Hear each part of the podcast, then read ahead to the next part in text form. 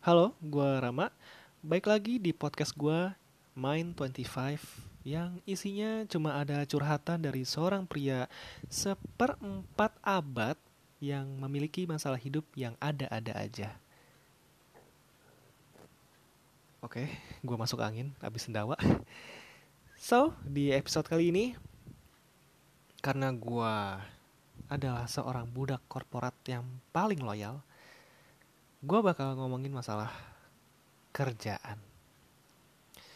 Ya, di umur segini seharusnya lo sudah memiliki karir pet yang lebih tinggi, sudah memiliki penghasilan yang cukup besar untuk menikah. Aduh, please jangan bahas itu, please jangan bahas itu. Dan lo merasa hmm, ketika lo belum memiliki itu, lo merasa ketinggalan? Ya kayak yang gue rasain sekarang ini sih. Jadi kalau boleh sedikit curhat gue adalah orang yang serba terlambat serba ketinggalan dari teman-teman gue kuliah telat uh, kerjaan juga telat. Ya gue baru kerja itu di tahun 2000 awal 18 dan itu pun nggak berjalan dengan lancar tapi gue selalu berusaha positive thinking selalu berusaha ya memang inilah jalan hidup gue terus mau gimana? Yang penting gue nggak berhenti usaha. Kan gitu. Nah baik lagi ngomongin masalah kerjaan. Karena sekarang gue udah lumayan enjoy sama kerjaan gue ya. Tapi terkadang se enjoy enjoynya lu sama kerjaan ada aja yang dikeluhin ada aja yang dikeluhin. Mau seringan apa pun, mau sesantuy apa pun lo bekerja, ada aja yang dikeluhin. Entah lo ngeluhin masalah kerjaannya atau lo ngeluhin klien. Atau malah lo ngeluhin atasan lo. Nah, lo. Intinya ada aja alasan yang membuat lo tuh harus mengeluh gitu soal kerjaan lo tapi sebenarnya wajar nggak sih kita mengeluh karena kerjaan? Normal nggak sih kita ngeluh karena kerjaan? Baik nggak sih kita mengeluh? Nah, sepengalaman gue pribadi, mengeluh itu perlu. Mengeluh terhadap kerjaan itu perlu banget. Loh, kenapa gue bilang perlu banget? Karena gini sih, ini gue membicarakan hal ini dalam konteks di umur 25. Karena di umur segini lo tuh gak punya circle pertemanan yang seluas sebelum lo umur 25 circle pertemanan lo tuh semakin sedikit untuk mendapati teman sharing yang benar-benar bisa diajak sharing dari kalau kesah lo sampai sukacita lo duka cita lo gitu. Nah karena lo gak punya sarana untuk sharing ya lo gak bisa bercerita atau nggak bisa berkeluh kesah dong soal kerjaan lo. Karena teman-teman lo di luar sana sudah pada sibuk sama kerjaan ya masing-masing udah mungkin ada yang nikah juga sibuk ngurusin bini sibuk sibuk ngurusin suami. Ya kita mau ngeluh ke siapa coba? Kan terkadang kayak gitu. Tapi ketika kalian sudah menemukan sarana untuk mengeluh itu bagus banget. Menurut gue itu adalah hal yang diperlukan untuk orang-orang kayak kita sebagai budak korporat. Karena kalau itu tidak dikeluhkan artinya lo nggak membuang toksik toksik kehidupan lo. Nah gue tuh selalu ngomong ke teman-teman gue lo mending ngeluh ketimbang lo pendem ketimbang lo tiba-tiba stres sendiri sama kerjaan lo. Karena dengan lo berkeluh kesah walaupun itu terlihat jelek di mata orang lain tapi lo lega kan? Maksudnya ya walaupun itu nggak menyelesaikan masalah lo tapi setidaknya lo lebih lega kan? Lo lebih merasa free e, merdeka gitu ketika lo mengutarakan apa yang lo keluh kesahkan. Entah itu ke sosmed entah itu ke teman cerita lo.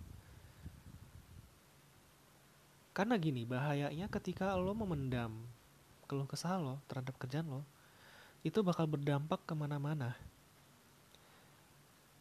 Pernah pengalaman gue gue memendam keluh kesah gue sama kerjaan gue dulu. Gue pendem karena gue merasa itu sepele. Tapi lama kelamaan itu tuh menumpuk menumpuk menumpuk dan akhirnya boom meledak. Gue stres banget sama kerjaan gue yang sebenarnya itu sepele tapi sering terjadi. Dan gue pendem gitu aja. Gue bad mood ke semua orang bahkan ke rekan kerja gue kerjaan gue menjadi berantakan juga dan akhirnya ya gue mendapati kinerja gue nggak bagus. Karena gue ya dalam satu momen gue meledak gitu aja. Gue stres banget. Jadi gue berpikir gue kayaknya perlu untuk mendapatkan sarana untuk berkeluh kesah terhadap kerjaan gue tapi itu udah lama sih. Itu udah lama. Kalau sekarang kayak gue udah merasa yang namanya kerjaan itu tidak ada habis-habisnya. Yang namanya kerjaan itu pasti tidak enak mau sesantuy-santunya lo. Jadi ya gue dibawa enjoy aja kalau kerjaan sekarang. Ya ngeluh sih pasti ngeluh cuma dibawa bercanda aja sama teman-teman kerja gue yang lain. Gitu. Tapi bener serius yang namanya lo ngeluhin kerjaan itu wajib menurut gue itu wajib ketimbang lo stres mendem itu sendiri. Ketimbang lo membuat dampak-dampak negatif lainnya di kemudian hari yang lo nggak tahu batasan lo untuk sabar itu sampai mana. Jadi lebih baik lo keluarin. Tapi memang uh, ketika lo terlalu banyak ngeluh entah itu di sosmed entah itu di temen lo itu juga nggak baik untuk diri lo. Karena artinya adalah lo nggak bisa menerima kenyataan. Lo kok gitu sih? Maksudnya gimana tuh? Ya, kalau emang kerjaan lo itu adalah kerjaan yang berat dan selalu bikin lo sebel, ya memang kerjaan lo itu ya difficulty-nya itu ya segitu gitu loh. Dan mau nggak mau yang harus lo laku, lakukan adalah lo mengupgrade diri bukan lo berkeluh kesah mulu gitu loh. Bener gak bener dong. Ya oke okay lah. Lo berkeluh kesah soal kerjaan lo. Lo ngeluh kerjaan gue kok nggak bisa habis kerjaan gue kok susah banget ya?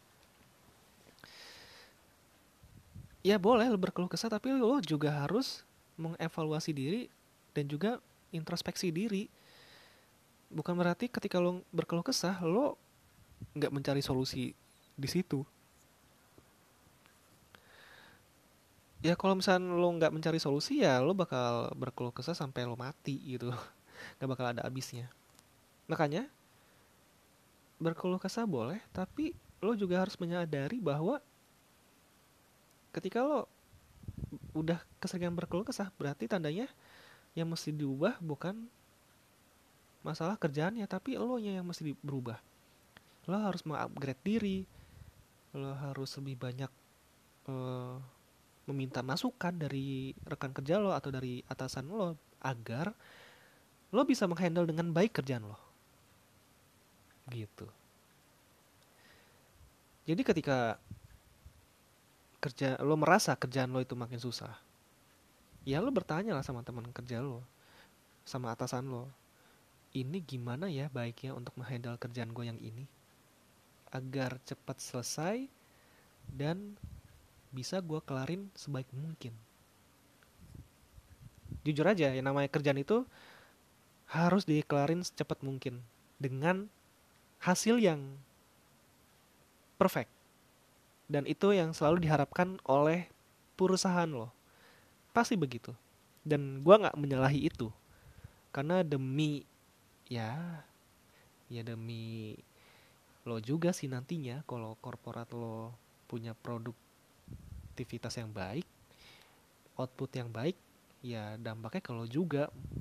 Siapa tahu laba perusahaan lo naik gaji lo naik. Lo dapat bonus ya enggak begitu. Jadi yang pertama ya boleh berkeluh kesah tapi yang kedua lo juga harus mengevaluasi diri. Kenapa? Ha, karena biar di kemudian hari ya lo bisa menghandle dengan baik kerjaan lo. Dan lo mungkin bakal lebih sedikit untuk mengeluhkan kerjaan lo. Gitu. Lalu ya selanjutnya ketiga adalah kerjaan lo bisa lo handle tapi yang nyebelin adalah misalkan klien lo atau atasan lo yang suka mendadak ngasih kerjaan tambahan atau bahkan mengubah SOP kalian dalam bekerja. Itu sering banget terjadi. Apalagi kalau misalkan kalian bekerja di perusahaan startup. Itu udah pasti banget lo harus terbiasa dengan perubahan SOP yang sangat-sangat dinamis. Nah, kalau misalnya kalian menghandle kerjaan, oke okay lah, menurut gue itu lebih cincai. Karena ya masalah lo sama kerjaan lo aja dan sama internal diri lo sendiri aja. Tapi kalau misalnya lo bermasalah sama orang lain nah itu yang susah. Lo nggak bakal bisa meminta orang lain itu mengikuti apa yang lo mau. Apalagi kalau klien ya. Itu susah banget sih atau bahkan atasan ya. Nah sampai sekarang pun ya ketika kerjaan lo udah enak tapi lo dapat klien yang rese gitu misalkan. Yang bawel yang udah dikasih tahu baik yang baiknya yang ini tapi malah milih yang jelek. Pasti pernah ngerasain itu dong yang namanya klien tuh kadang ada-ada aja gitu kita udah idealis tapi dia meminta yang di bawah ideal kita. Dan ketika udah kita kasih sesuai apa yang dia mau baik lagi ke ideal kita gitu loh. Yang udah kita suguhkan di awal pertama kali sama si klien. Nah terkadang gue ngadepin orang yang seperti ini adalah gue selalu punya banyak opsi untuk nanti dipilih sama klien misalkan atau nanti atasan lo. Jadi lo bekerja bukan fokus untuk kerjaan lo doang tapi lo juga fokus atau lo juga memikirkan sebuah inovasi cuy. Anjay. Sok banget gue ngomongin masalah inovasi. Padahal kerjaan gue gitu-gitu aja.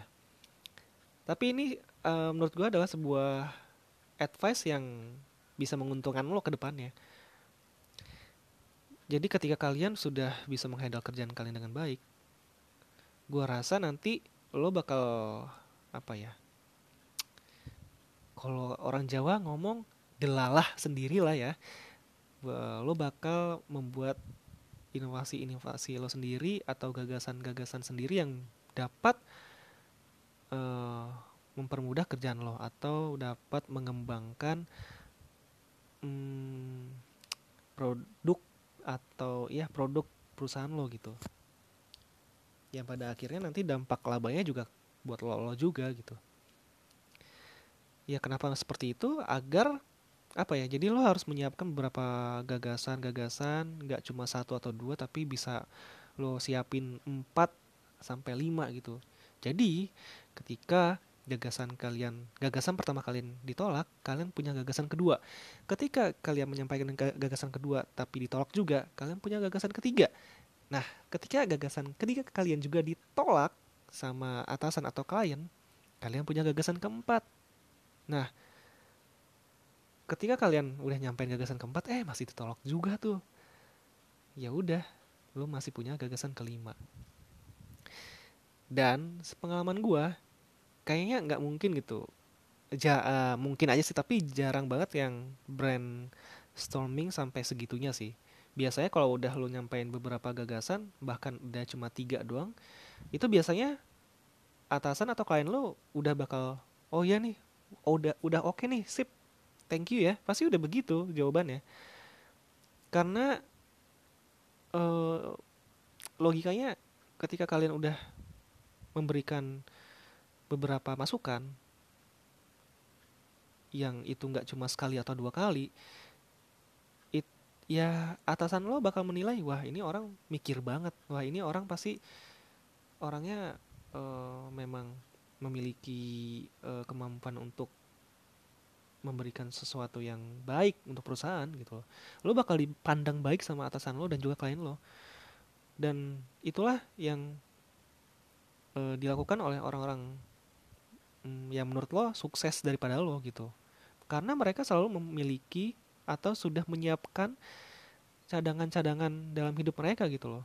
Kalau dalam kerjaan uh, konteks kerjaan ya itu tadi sudah menyiapkan beberapa konsep-konsep-konsep gagasan-gagasan-gagasan yang sudah mereka prediksikan wah ini bakal ditolak nih tapi menurut gue ini masih baik ya udah gue siapin yang lain lah dan dia selalu menyiapkan konsep-konsep atau gagasan-gagasan yang di mana ya bisa memberikan value gitu untuk perusahaan dan juga hmm, memberikan sesuatu yang baik juga untuk diri dia sendiri gitu loh. Gitu gitu sih. Karena ya gimana ya? Percuma juga ketika uh, kalian ya selalu bentrok sama klien kalian selalu berantem sama atasan kalian kalian selalu mengupgrade diri tapi klien kalian masih nggak suka berarti kan yang salah itu bukan dari lo nya gitu dan yang salah bukan bukan juga dari dianya tapi dari bagaimana cara kita bekerja gitu. Kalau, misalkan ya kita bekerja itu cuma monoton doang, cuma mengerjakan apa yang seharusnya dikerjakan, ya udah itu biasa aja. Tapi kalau misalkan kalian bekerja dengan sambil memikirkan, aduh nanti ke depannya nanti kerjaan gue itu bakal gimana ya, wah nanti kurangnya bakal begini nih, wah nanti kalau misalkan berkembangnya kayak gini bagus juga nih. Nah itulah yang lebih baik gitu loh, ketimbang kalian kerja bekerja cuma yang gitu-gitu aja. Gitu. Jadi hmm, untuk menyenangkan orang lain ya lo harus memiliki sebuah gagasan yang menyenangkan juga intinya kayak gitu. So ngomongin masalah kerjaan intinya adalah tiga poin ya. Yang pertama kalian harus berkeluh kesah. Yang kedua ketika sudah sering berkeluh kesah kalian harus evaluasi diri.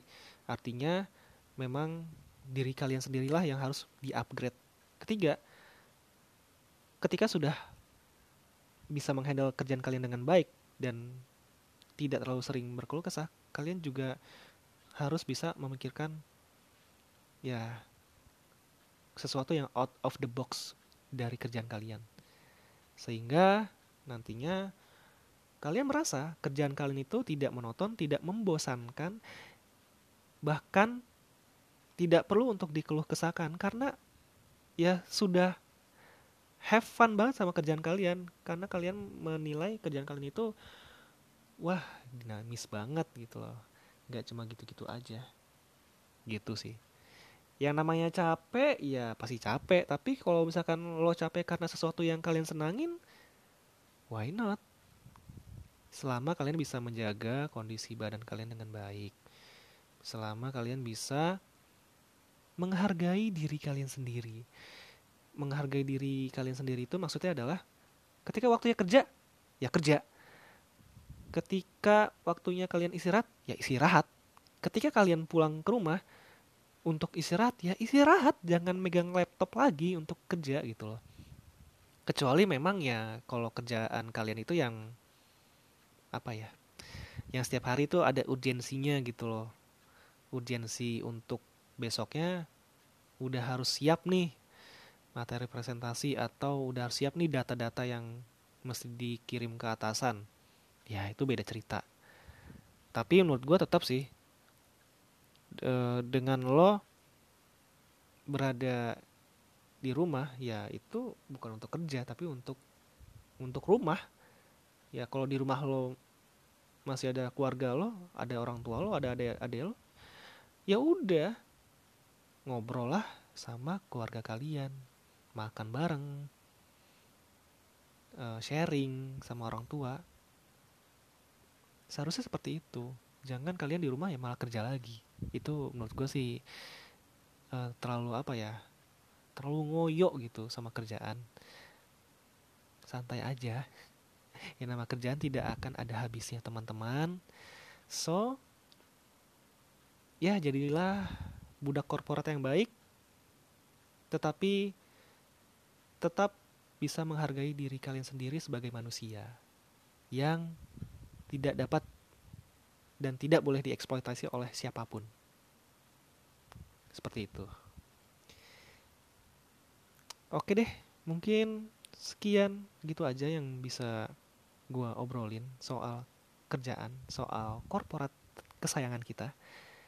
Semoga karir kalian makin baik ke depannya. Gua Rama, mohon undur diri. Sampai ketemu lagi.